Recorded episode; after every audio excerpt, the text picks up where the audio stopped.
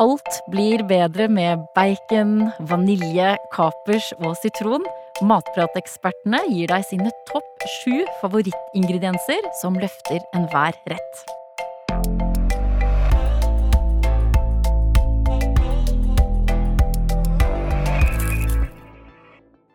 Det er klart for en ny episode med Matpratpodden. Jeg heter Katrine Ude, og som alltid er det to eksperter i Matprat sammen med meg i studio. Det er kokk i Matprat, Cecilie Maske. Hei. Heisann. Og så er det matrådgiver Britt Marlene Kaasin. Hei. Hei, hei. Cecilie, alle de deilige smakstilsetterne vi skal boltre oss i i dag, det er din greie og din lidenskap, og ikke minst faget ditt. For det jeg hører om alt du tilsetter maten som løfter den opp til nye høyder, så skjønner jeg at jeg går glipp av veldig mye godt. Ja, ja det, er jo, altså, det er jo et enormt tema, det her med smak. Det er jo en egen vitenskap. Og, og smak er jo også veldig eh, Det er både generelt og veldig individuelt, og så er det veldig kulturelt betinga. Og så må vi også huske på at vi spiser med alle sansene våre. Eh, kan jeg få ta et sånn lite sånn, sånn, sånn bilde? Tenk at du har en pære. Du får en pære i hånda. Det er en veldig pen pære. ikke sant? Den er grønn og fin i skallet, og den, den ser god ut. Eh, du kan lukte på den. Den lukter ikke så veldig mye. Den lukter litt grønt, kanskje. Og så setter du tenna inn, og biter inn, og da kjenner du hvor crisp den er. Den er sprø i konsistensen, den er god å ha i munnen. Den er søt, den er syrlig, og så har du den, kjenner at den er ganske aromatisk også, men først når du svelger den, så kjenner du liksom hele smaksbildet. Og da først kan du si at det her var en god pære. Du må liksom gjennom alle stadiene, du må bruke, du kjenner på den, du ser på den, du lukter på den, eh, og du smaker på den. Og da får du, da får du hele pæra. Ja, det som vi kan, kanskje kalle for en smaksopplevelse. Det Er en smaksopplevelse? Det Eller er som det barna mine ville være sagt, at liksom, hjernekontoret, hele hjernekontoret må være med. Hele hjernekontoret er med. Mm. Mm. Eh, Vi skal ta for oss eh, deres eh, favoritter. Jeg kan jo røpe sitron, vanilje, parmesan og kapers som Mm. noen av smakene som dere mener løfter retter til nye høyder. Hvis du må velge én, Cecilie. Én smak. Ja. Syre. Altså sitron. Surt. Ja. Eh, surt. Sitron. Eh, det tror jeg Det må jeg ha. Mhm. Mm. Eh, Britt Marlene, du briljerer jo med fantastiske smaker, og særlig på turmat, som er din store lidenskap. Hva er den ene smaksbomben som du alltid har med deg oppi skreppa ved siden av kajakken din? Eh, Nei, det kommer vel kanskje litt an på hva man skal, da. Det er jo ja, hva man trenger. Men en ingrediens som vi kanskje skal inn på i dag, som jeg har lyst til å trekke fram, det er kapers. Og det har jeg hatt med meg i store bolker rundt omkring i Norges, eh, på norgesturné. Og er en veldig sånn artig ingrediens som kanskje ikke alle har sin elsk på enda. Men kanskje etter i dag. Ja, vi frelser noen på kapersen i dag. Kapers. Mm. Før vi, før vi går i gang eh, og, og tar for oss både eh, smak og tunga og Mm. munnhulen og, og alle disse deilige tingene, eh, hvordan lærer man seg dette med smaker og smakstilsetning, og hva det passer til, uten at man jobber med mat? For det gjør dere to hver dag. Nei, det må jo være å smake seg frem, da. Det må nesten være det kjappe svaret på det. Men handler det om å liksom eh, prøve noe nytt, Man må jo eksperimentere? erfare. Man Ja. må jo erfare smak. Man må, man må utsette seg selv for smak og for smaksopplevelser for å kunne eh, lære mer. Det gjelder som, på samme måte som det gjelder for alt mulig annet i livet. Mm. Da må man er- kanskje tåle at det blir litt vond smak noen ganger, da. Ja, ja, ja, absolutt. Og jeg synes det, altså, det er jo fryktelig vanskelig å sette ord på smak. Det blir veldig, veldig ofte at nam, eller æsj. Ikke sant? Det er sånn, eh, hvis du spør et barn om det smaker godt, så ja, det smaker godt, men jeg bare, kan du si mer om det? Nei, de kan ikke det. For de har ikke, de har ikke ordforrådet, de har ikke utvikla evnen til å, til å sette ord på den smaken. Og det gjelder, jo, det gjelder jo for vin, og det gjelder for kaffe, og det gjelder for mat, og det gjelder for de aller, aller eh, fleste ting, da. At man må erfare det Mm.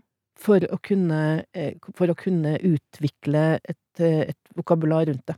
Man kommer veldig langt med, altså når man er hjemme på kjøkkenet, da, å smake til maten, og hele Mm. tiden smake før du begynner å tilsette litt mer. Trenger det litt salt? Trenger det litt syre?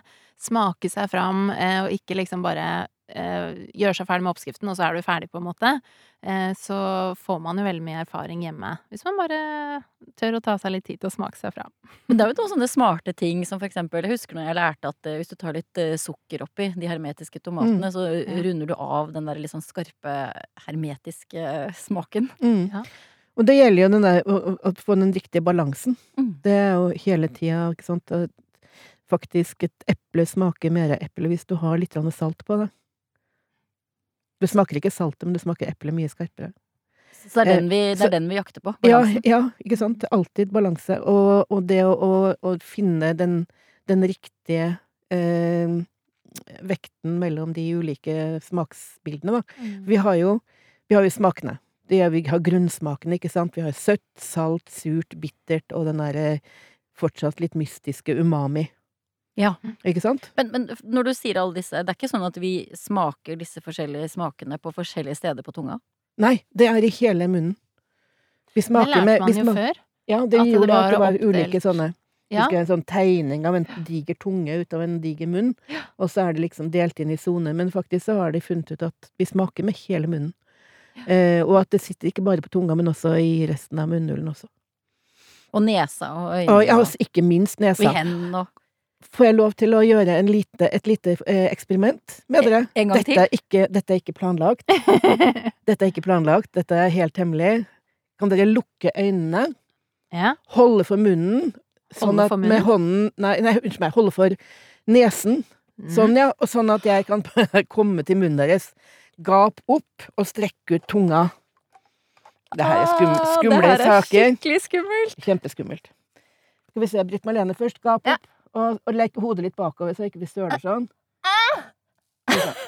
Jeg ser ingenting. Og så holder du fortsatt på nesen. Ja. Og så eh, Skal jeg smake da? Ja, nå kan du smake. Og Det var så vanskelig å smake. Skal jeg fortsatt holde for nesen? hold for nesen, og så smaker du, og så sier du hva det smaker.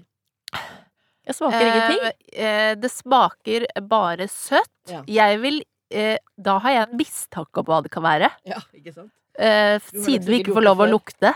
Men hvis du, hvis du tar vekk da Hvis du tar vekk fingeren og smaker en gang til Åh! Wow! Kanel. Åh, kanel! Plutselig, smaker det risengrynsgrøt. Mm. Oi! Mm. Ikke sant? Det var deilig. For det er jo kjempegøy, fordi kanel har jo ikke smak. Nei. Det har bare Eller det, det, som er kanelsmaken, er jo bare lukt. Oi, så gøy! Mhm. Åh. Så der Mm. får vi jo demonstrert med en gang hvordan hvor viktig luktesansen er, da. For å få hele opplevelsen.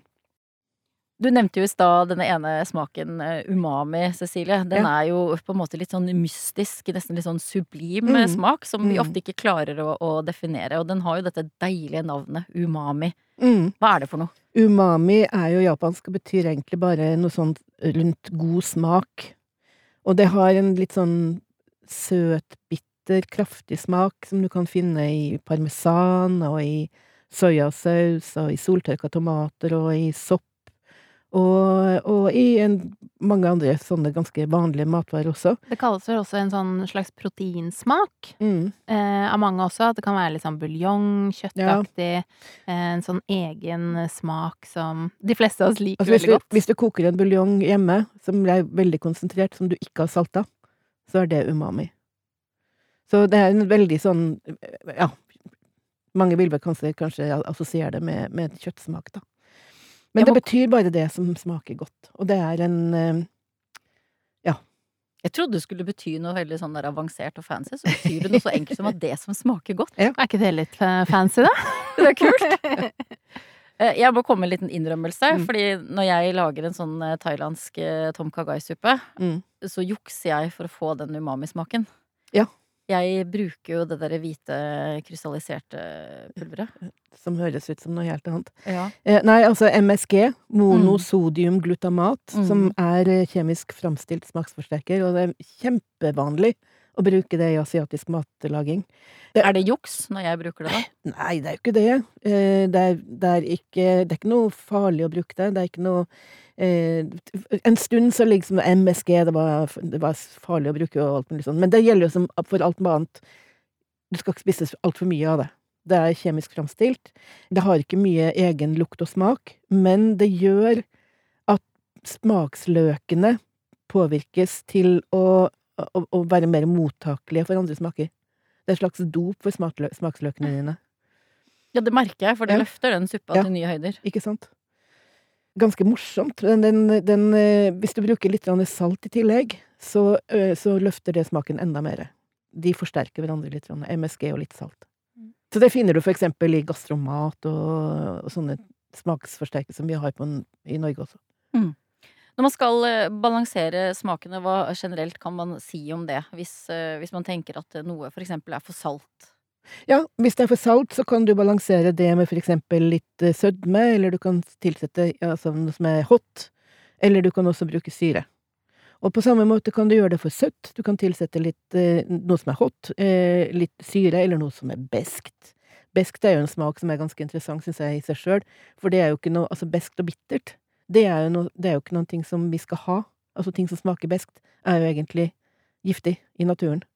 Men vi vil jo ha den smaken allikevel. Vi har beskt i, eh, i, eh, og bittert i øl, og vi har det i eh, bitter lemen og i kaffe og i grønn te og alt mulig sånt som er der. Men det er jo eh, alene, helt alene, så er det jo ikke en god smak. Du vil gjerne ha det i kombinasjon med andre ting. Eh, ting som er for feite, blir balansert av syre eller varme. Er det for mye umami Altså, det er sånn det er eh, ganske vanskelig å justere, faktisk. Men man kan bruke litt eh, sødme, eller litt fett. Hvis noe er for surt, da? Eh, litt surt, da er det fett eller, eller søtt som du tilsetter for å justere. Sødme, sukker mot syre, er jo Det er naturlig. Også fett også er med på å justere det. Eh, er det for hot? Altså, det kan jo bli for hot også. Det er jo ikke en smak, men faktisk en smerteopplevelse. Altså for mye chili, for Ja. eksempel? Ja. så hjelper det med å justere med søtt, eller med fett, eller med syre. Eh, og bittert, det kan også justeres, og det gjør vi jo ofte, med å bruke sødme, eller syre, eller umami-smak. Og, og for eksempel bitter kaffe. Hvis du har en veldig bitter kaffe, så kan du tilsette noen, eh, noen eh, saltkorn. Så vil det gjøre at bitterheten blir eh, nøytralisert. Så Har du blir- tatt som, salt i kaffen noen gang, Britt Marlene? Nei. er ikke, er, det er ganske morsomt. Og du vil ikke smake saltsmaken, men vil kjenne at hm, her skjedde det noen ting. Her er den ikke så bitter lenger. Som jeg sa i stad også, at det handler om å finne et passende nivå eh, og den rette balansen mellom søtt og salt og syrlig og umami og bittert.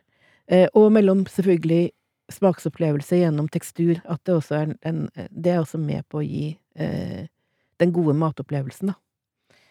Det er det jeg ofte sier at du må ha Hva er det? Ole Martin på Firestjerners middag i hver episode.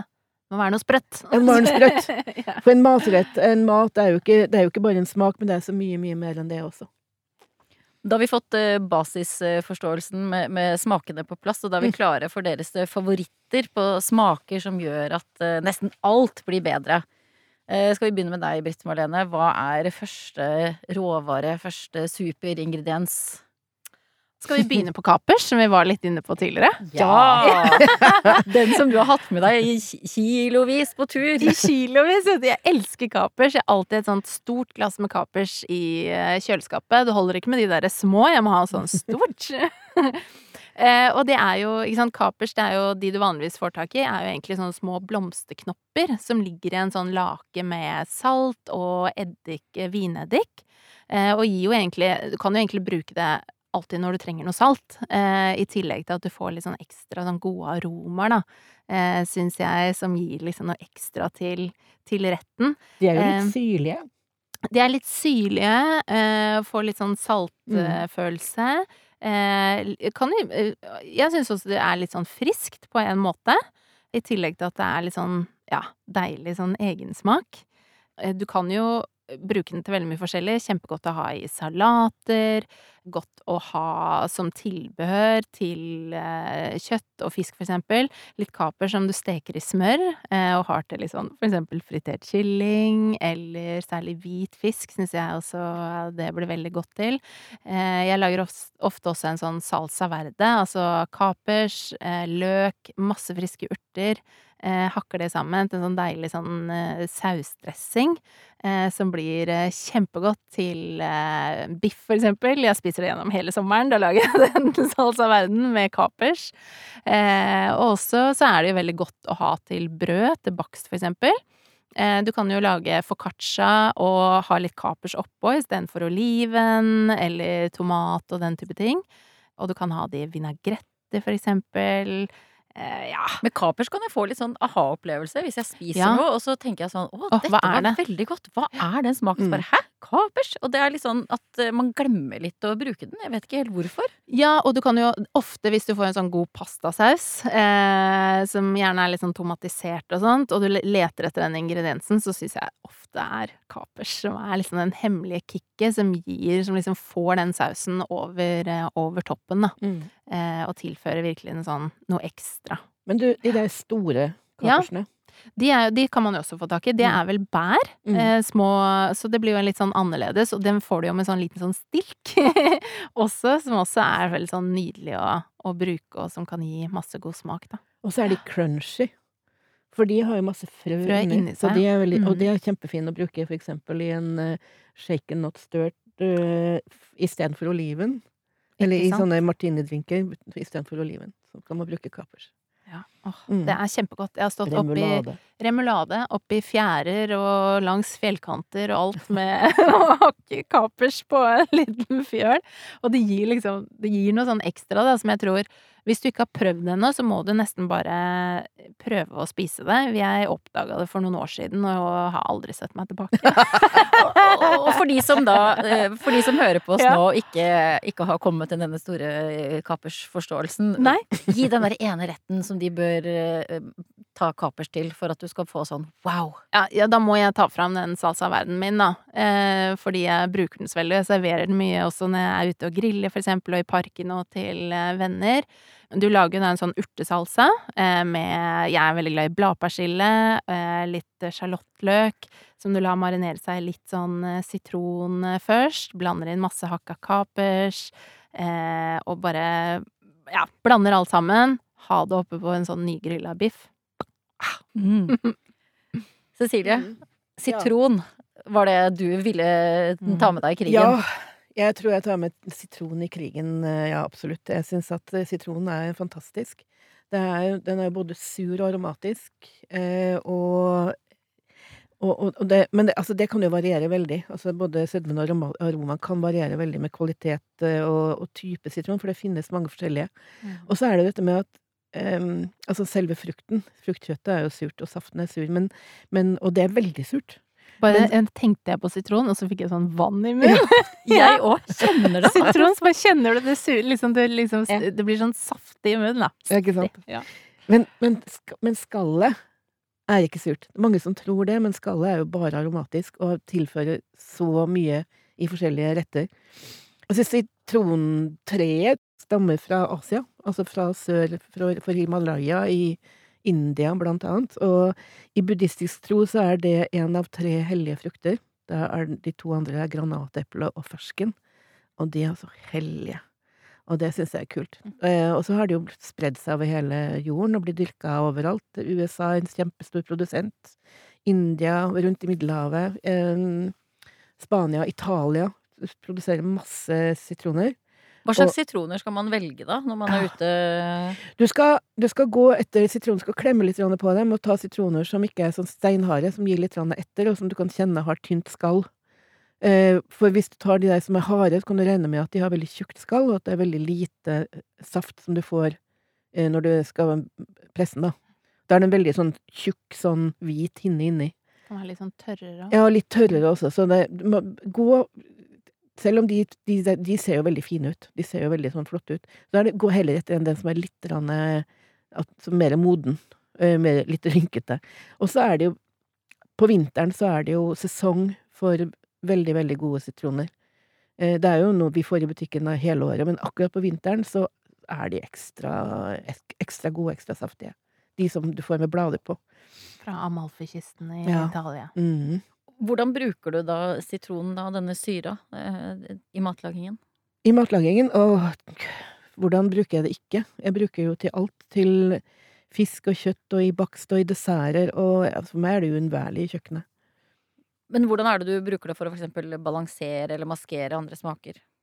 det er jo bare å, å, å, å smake seg frem. Også hvis du smaker på en Hvis du tar en saus, da, for eksempel, og tenker at mm, her var det en her, Dette var tamme greier. Kan du banne på at det er sitron som mangler, også. Litt rann sitron til der, det er Da, blir løfta opp. Og jeg syns at det er det, ja, det er godt til alt. Det er godt til alt. Har du noen sånne mer sånn uvanlige måter å bruke det på, som kan være litt gøy å, å teste ut? Det er jo i alle mulige slags matretter fra hele verden. Men så kan man jo lage chutney eller relish, eller lage sånne konserverte saltede sitroner som de lager i blant annet i Marokko. Det er jo nydelig å bruke i matlagingen. Og så er det jo faktisk Altså, det er jo en, det er en medisinplante også. Eh, og den er bakteriedrepende. Og dette med sitronsyra Sitronsyra er jo kjempesterk, så den er jo eh, super å bruke til rengjøring, faktisk. Sammen med bakepulver og salt. Eh, og det er jo ting man har i kjøkkenet, iallfall har jeg det. Eh, alltid sitron, eh, og alltid også bakepulver og salt. Så stekeovn, for eksempel, kan rengjøres med, en, eh, med sitronsaft og, og bakepulver. Det brukes ved konserverende òg, med sånn sitronsyre, ja. som Mm. man ofte ser på mange produkter. Sånn krystallisert sitronsyre brukes Ja. jo som både smaksforsterker og konservering. Og den er veldig sånn symbol på hvor viktig den derre syra Mm. er for oss i maten, da. Uansett om det er eh, i Bare tenk på liksom sånn ceviche, altså din sy syrlig til å bruke i marinader. Du bruker den til å friske opp alt av liksom mat til middag, og sauser og dressinger, og eh, i desserter, sammen med søtt er det kjempegodt, eh, sammen med salt er det godt, eh, og jeg tenker på sånn pannekake med litt sånn sukker og Mm. sitron oppå. Ah, Eller en eller annen deilig fisk, og så bare skvise over. Bare skvise fersk Ah. sitronsaft over. Det er så nydelig. Og så er den jo kjempegod å grille. Ja. Vi er jo vi, vi er ikke helt på sommeren ennå, men i dag var det veldig fint vær, så tankene begynner å gå litt mot Ja, men jeg er helt enig. Bare det å legge en halv sitron på grillen og la den bli ordentlig nesten brent, Mm, så endrer den jo karakter. Da blir den jo Altså, den blir mye søtere. mm. Og er fantastisk å bruke eh, i, en, i en dressing, for eksempel, med yoghurt og grilla sitron og grilla eh, hvitløk. Ja. Nydelig. Herregud, det er godt. Fra eh, sitronen så skal vi over til noe helt annet. Eh, kakao. Mm. Det er en, eh, en, eh, en smak som du En råvare som du gjerne bruker i, i ulike retter. Ja, jeg syns kakao er veldig spennende, og jeg kan godt bruke kakao i andre ting enn det som er liksom vanlig, da. Eh, det er, er jo Det er jo en, en, en plante eller en drikk som har en sånn eh, Det er ikke like lang historie som sitronen, da, for oss i Europa iallfall, for den stammer jo fra Sør-Amerika og kom til Norge etter at Columbus hadde vært der borte og gjort sine oppdagelser. Så brakte han kakaobønnene tilbake igjen til, til Europa, eh, faktisk før poteten kom. Så den har vært her siden eh, tidlig på 1500-tallet, og ble regna som en veldig sånn eksklusiv drikk som ble holdt hemmelig av eh, de kongelige. De ville ha den for seg sjøl. De ville ha den for seg sjøl, og det klarte de i 100 år, faktisk. Eh, Etter hvert så eh, ble den en motedrikk. Rundt 1600-tallet så var det liksom det du drakk i, i storbyene i Europa. Og den ble søta med honning og vanilje, men det var, tok lang tid før de liksom fant ut at det kunne gå an å blande med melk, for eksempel. Det er skikkelig glad for at man har funnet ut sånn at vi har melk og sjokolade. Men det som er gøy, er jo at, det er jo eh, Det var jo veldig verdifulle greier. I, i Mexico, for eksempel, der ble det brukt som penger. En kakaobønne ble, ble Da var det liksom Da kunne du kjøpe Ja, jeg vet ikke Bytte til deg noe, noe annen mat, da. 50 kakaobønner, da kunne du kjøpe deg en kone. 100 kakaobønner, da kunne du kjøpe deg en slave. Ehm, og, og, og Carl von Linné kaller det for uh, gudenes mat. Wow. Mm. Hvordan bruker du kakaoen da, Cecilie, utenom hvis du tenker sånn ikke det mest åpenbare som uh, dessert eller kaker eller søte ting. Bruker du det i, i middag, liksom? Kan godt gjøre det, men uh, altså, da vil jeg bruke så mørk kakao eller så mørk sjokolade som mulig, da. For det er jo dette, dette at den, den blir jo um, Det er jo en lang prosess fra kakaobønner til spiselig produkt, egentlig. Selv om det, man kan jo også eh, få kjøpt eh, rostede eller brente kakaobønner eh, hele, og blande i ja, frokostblandinger og sånne ting. Men, men, men eh, den må Det går gjennom en kjempestor prosess for å bli til eh, brukbar kakao, sånn som vi vil ha det i dag. Og eh, jeg syns at det er eh, Det er en sånn aroma, aromatisk eh, spennende smak som jeg faktisk har brukt i, i eh, viltgryte. Har du hatt kakao i en viltgryte? Ja. Ganske sterk kakao i en viltgryte. Den underbygger liksom den derre eh, viltsmaken faktisk på en veldig fin måte. Eller, ja, det blir, eh, det blir liksom en sånn mørk, eh, dyp smak på den. Men de gjestene som er så heldige da å få sitte rundt ditt bord og, og nyte denne gryta, merker de at liksom hm, her var det kakao. Jeg tror ikke det. Jeg tror ikke at de vil si at mm, meg smaker det varm sjokolade. Nei, eh, det er ikke det. Det er liksom bare at du, du den, den, den Den hjelper kanskje med Ja, den, den- runde av litt ja. sånn uh, smaken òg, da. Ja, den lokker Eh, fram litt andre smaker. Den underbygger de, de smakene som er der. Så Også skal ikke veldig liksom godt i sånn chili con carne og sånt, Ja, med mørk ikke sant? sjokolade. Ja. Mm. Og vi ser jo at eh, chili og kakao har jo blitt en eh, gøyal eh, greie sammen. Ja. Og chili, det bruker du også veldig mye, Britt Marlene. Ja, og det er også en litt sånn gøy, eh, gøy ingrediens som du kan bruke i For det første i veldig mye, og som gjør eh, veldig mye i maten. Eh, og man kan jo si at, ikke sant, hva, hva smaker chili egentlig? Det smaker sterkt. Smaker innmari sterkt, ja. Og det er jo eh, Det er i hvert fall sånn vi, sånn vi bruker det, og selv om det er jo Det fins utrolig mange forskjellige chilier, eh, som varierer i styrkegrad òg. Noen er ikke så sterke, mens andre er dødssterke. Eh, og som også har forskjellige sånn smaksbilder. Men jeg vil jo si at når jeg bruker det, i hvert fall liksom eh, som regel, og hvordan de fleste av oss bruker det er jo for å liksom tilføre det lille kicket. Eh, og for å spice opp eh, maten og gi liksom den gode varmen, da. Eh, og eh, chili, det er, jo, det er jo i samme familie som paprika, egentlig. Mm. På engelsk så sier de jo De sier eh, chill, De sier enten sånn chili, eller så sier de hot pepper. Er Paprika! paprika, eller en hot pepper, for pepper er jo også paprika eh, på engelsk. eh, og og um, eh, de er jo veldig like, men chilien har jo da mye mer av det her hvordan, om, om jeg uttaler det riktig, kap, kapsia, kapsiasin? Kapsiasin? Altså dette sterke stoffet som er i chili, eh, som gir den derre karakteristiske sterke Ja, vi kaller det Det er jo ikke en smak, men følelse av munnfølelse, var det vi sa i stad. Ja. Eh, og ja, det fins jo mange forskjellige. Du den, kan jo bruke den rå eh, for å piffe opp for eksempel gryter. Toppe tacoen med litt chili. Toppe ha det i Ja, toppe det med meste forskjellig. Du kan steke det opp eh, og for å tilføre en litt sånn annen type varme. Og det kjenner jeg. Hvis jeg freser det opp, så plutselig så bare kommer de der De duftene, Ja. og så går det bare inn i nesa og munnen, og så Ikke blir jeg litt sånn oh, Oh, Mm. Og i hvert fall hvis du har begynt å steke opp noe som er veldig, veldig sterkt. Mm. Eh, og det er jo veldig sånn aromatisk og deilig, og det å liksom starte opp hva nå enn du skal lage, da, starte opp måltidet ved å ha i god varm olje, frese opp hvitløk og chili, eh, så gir du en veldig sånn god sånn aroma også eh, til eh, når du skal sette i gang med å lage maten. Eh, vi har jo også en oppskrift på sånn birria-taco eh, på Matprat, der vi bruker eh, tre ulike chilier, som egentlig ikke er der for å gjøre det nødvendigvis så innmari sterkt, men som også er med da på å tilføre aroma.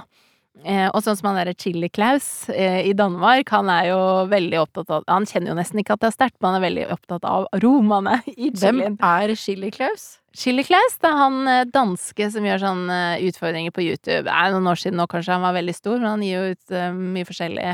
Og så drev og testa chiller med kjendiser på YouTube, da. Så har det jo om å gjøre å kanskje holde ut, egentlig, og tørre å smake. Og han er veldig opptatt av også smaken, da. I tillegg til eh, den sterkheten.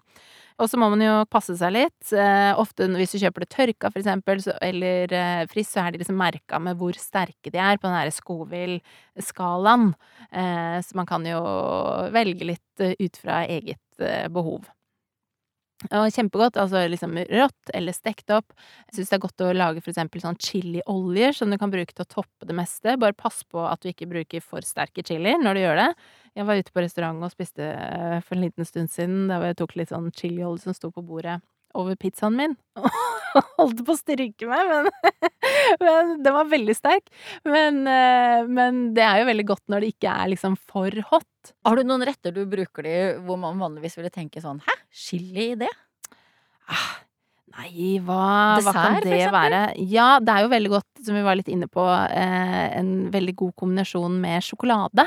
Eh, og noen bruker det jo litt sånn eh, sammen, i kombinasjon sammen med honning, kanskje. Det kan jo ha det inni en sjokoladekake med lite sånn spark av chili. Eh, en sjokolademousse med lite grann chili vil jo gi sånn åh, hva er det der varme som legger seg litt bak på tunga? Åh, det er chili som kanskje dytter den desserten litt eh, over det siste gjerdet, da. Chili på ananas. Chili på ananas. Kjempegodt. Ja, sånn grilla Honning og chili på ananas. Mm. Mm. Og en som eh, gjerne blir brukt sammen med chilien, eh, Cecilie, det er jo hvitløken. Ja. Den, eh, den kommer vi ikke utenom. Nei, hvitløk må vi jo virkelig ha med, og det er kanskje en av de smakene som, eller råvarene som jeg må ha i kjøkkenet sjøl, og bruker den hele tida.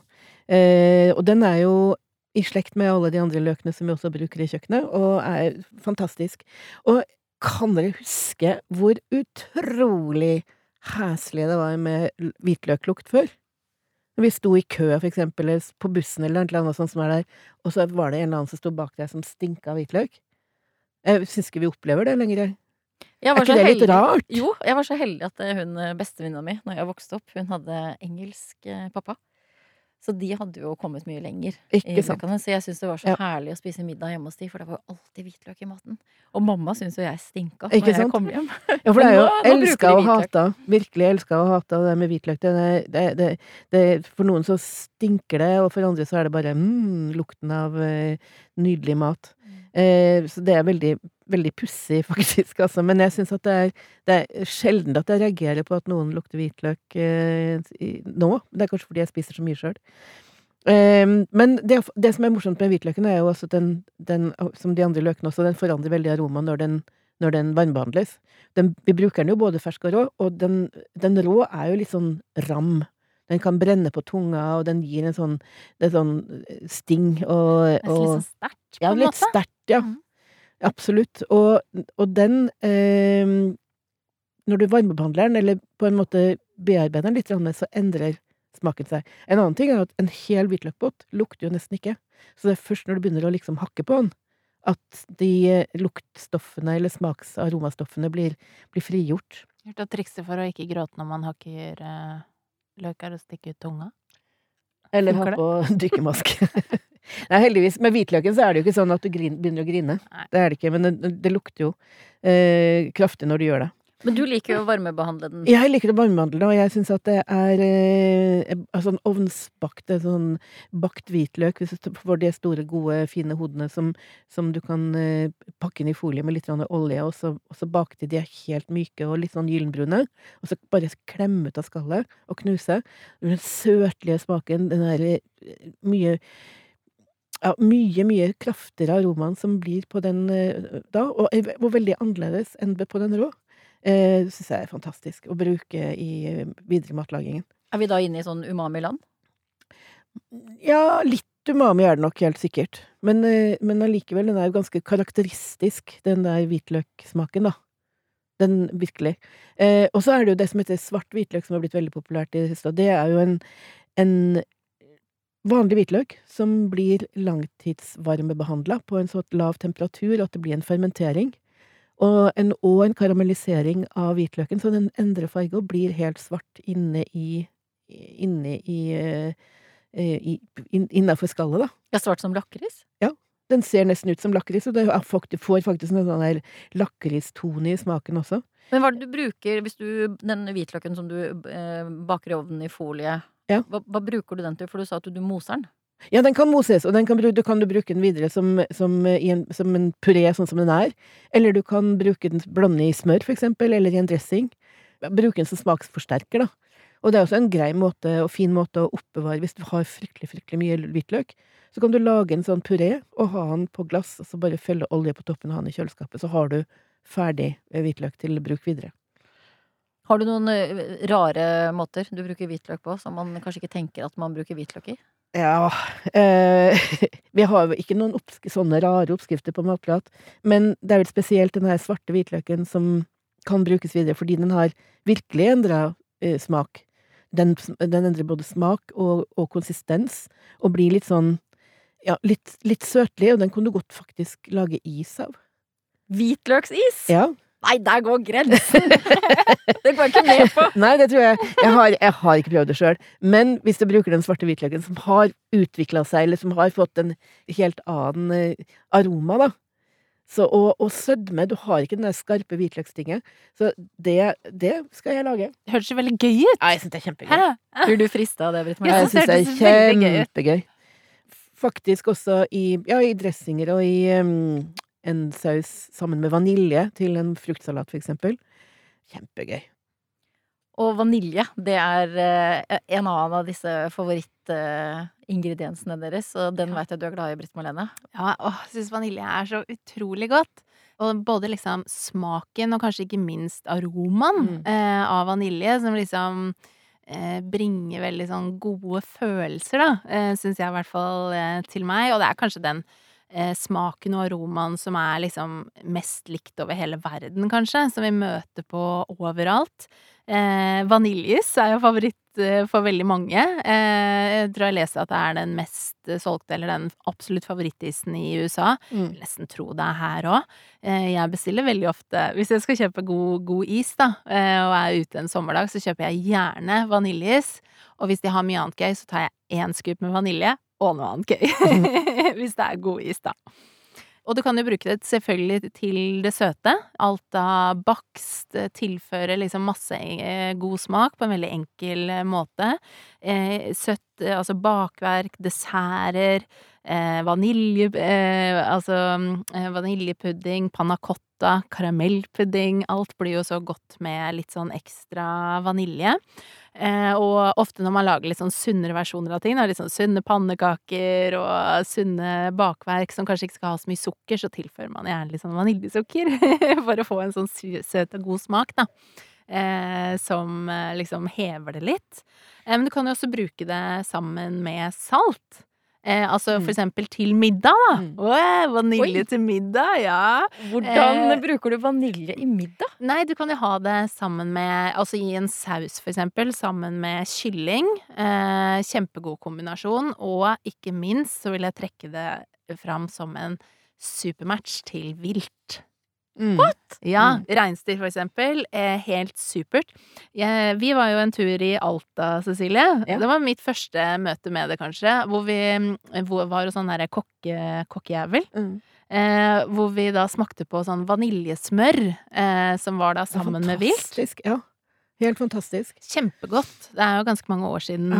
eh, nå, og det er også lagd til reinsdyr. Utrolig godt. Eh, og som på en måte eh, Det er jo den søte, aromatiske vaniljesmaken som bygger veldig godt om den viltsmaken, da. Mm. Som er en veldig sånn gøy Som kanskje finnes litt i sånn undertoner i viltkjøtt, for eksempel, fra før. For et par dager siden så så jeg på Instagram en video av eh, en som hadde en sånn derre svær tomahawk. Eh, som han hadde langtidsmørna da, som var kapsla inn i en sånn blanding av smør og vanilje. Så helt vilt ut. Til biff? Eh, ja, og med den derre liksom gode kombinasjonen med kanskje når det er altså litt som med vilt, at du har det derre langtidsmodna som får en litt sånn ekstra smak, en litt sånn tyngre smak, som går veldig godt til den derre vaniljesmaken, da. Eh, som er litt sånn Men det er fermentering, vet du. Det er det som er så gøy. Kjøttet er fermentert, og faktisk vaniljestangen er også fermentert og, modna for å få fram aromaen. Det er det som gjør det. Jeg vil høre litt mer om det vaniljesmøret. Hvordan hadde dere det til eh, reinen, da? Det kan du ha Du pisker det opp som piska smør, for eksempel, Mm. sånn at det blir litt sånn fluffy og deilig. Så kan du ha det til eh, en reinsdyrbiff, for eksempel. Mm. Eller Eh, du kan, supert. du kan brune biffen, og så kan du ha igjen en klatt med vaniljesmøret helt mot slutten Ja. av stekinga.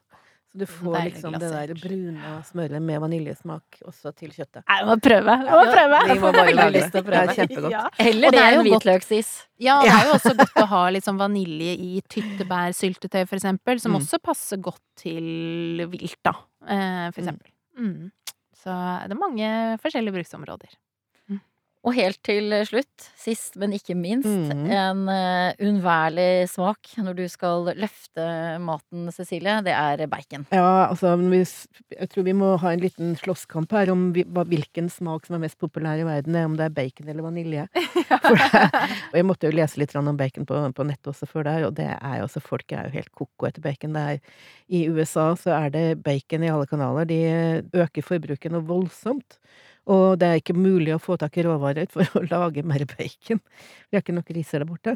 Eh, og det er og det er mange som har lurt på hva i all verden er det som gjør at vi tenner på bacon, liksom. Hva er det som gjør at vi blir så eh, Altså at vi elsker bacon så eh, høyt. Ja, for det er noe man virkelig craver. Ja, det tror jeg, og til og med, til og med veganere vil jo ha baconsmak på produktene sine. Her har jeg, jeg tok med meg, jeg har kjøpt fra USA, og det her er, det var svindyrt, men det er jo kjempemorsomt da. Det er bacon seasoning, vegansk bacon seasoning, påstår at du kan få, du kan få alt til å smake bacon ved å bruke det krydderet der. åpne på å lukte på det. Ja, det er sikkert det med skreid, altså.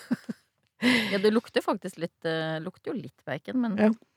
Mm. Men det er jo, altså det er jo den der kombinasjonen av fett og salt og røyk, det er jo what's not to love der, det er jo Cowboysmak. Ja, det er cowboysmak, samtidig, samtidig som det er nettopp det som gjør at vi ikke må spise for mye av det. Men det er hvorfor det, hva det er som gjør at vi craver det, da, det er jo Det er jo karamelliseringen under stekingen. Det, det lukter jo godt av, av eh, rått bacon også, men når du først legger det i stekepanna, altså en godt kvali, god kvalitet bacon, steker det, du får fram den derre umamismaken og karamelliseringa og, og den der den der kombinasjonen av, den der, av saltet og den der milde røyksmaken som ja, Den løfter smaken på alt, altså. Det er jo supergodt. Men hvordan er det du bruker baconet? Det er jo åpenbart at det er et veldig godt eh, tilbehør til Mm. eh, veldig mye forskjellig, og vi har jo lagd eh, sånn baconmarmelade som er nydelig på Mm. burger. Og så har vi jo det gjerne til, eh, til hvit fisk. Mm. Eh, Det er godt å ha i finnbiff. Så det er, masse, er det andre bruksområder hvor det er litt sånn Oi, eh, gjett, da! Det- Baconis, det sa vi jo, det har jeg jo brukt, men altså, du kan jo Hva sa du nå? Baconis. Ja, ja. Da må du sprøsteke baconet, og så Det må jo liksom bare sitte igjen med det som er liksom selve essensen av baconet, da. Det crunchy og det eh, Krokan, nesten? da? Ja, det blir nesten som krokan. Det som blir salt den kombinasjonen av Ja, av og så søtt får du det og søtt og søte og salte sammen. Det er jo fett. Nå prater dere to i munnen på Er hverandre. sånn? Ja, Det, så- bacon, det engasjerer. Ja, det engasjerer virkelig. Skal vi se, kandisert bacon har vi jo. Ja, det har vi på ja. Matprat, faktisk. Ja. Som er Eh, kjempegodt som Det er kjempegodt. Du har enten, enten eh, maple syrup eller, eh, eller honning eller sukker på stekte baconskiver, og så steker de, eller karamelliserer de inn i ovnen, så blir de crunchy, og så blir det det der søt salte nam-nam-nam. Hva bruker du det til, da? Snacks. Det er også veldig godt å ha til ostefat, for Ja, eksempel. ikke sant? sånn Jeg skal ikke ha så mye. Um, bacon med sjokoladetrekk. Cupcakes eh, med bacon. Krokan av bacon, det blir jo den karamelliserte eller kandiserte som du knuser. Du kan ha bacon i kanelboller. Du bare ruller kanelboller med bacon inni. Skikkelig Er ikke det kult? Jeg syns det er så bra. Jeg syns det er litt sånn perverst, jeg. Ja, det, ja, du kan så si. Men altså, jeg, jeg må bare si at altså, bacon har jo vært Det er jo ikke noen ting som Det er gammelt, altså. Det har folk brukt i ja, sikkert eh, 1500 år. Eh, Det påstås av, av eh, National Geographic at eh, det første baconet ble laget i Kina for 3500 år siden. Og det gjør jo at det er et av de aller første bearbeida eh, kjøttproduktene i historien. Andre sier at det var Gud som oppfant bacon. Og så, helt Jeg må jo bare Jeg må få si at du kan også få kjøpt baconparfyme. Du kan få kjøpt Bacon Classic eller Bacon Gold med sitrus. Du kan få kjøpt baconbrus, jellybeans, massasjeolje, vodka, kondomer, solkrem, kaffe og tannpasta med baconsmak. Og enda mye mer. Vi håper du som har hørt på, har blitt inspirert til å leke deg frem med nye smaker, prøve kombinasjoner du ikke før visste at ville bli supergodt. Og hvis du har et gullegodt tips for en uventet og deilig smak, så del det med oss. Det blir vi alltid glad for. Tagg oss, eller bruk hashtag matprat. Vi høres.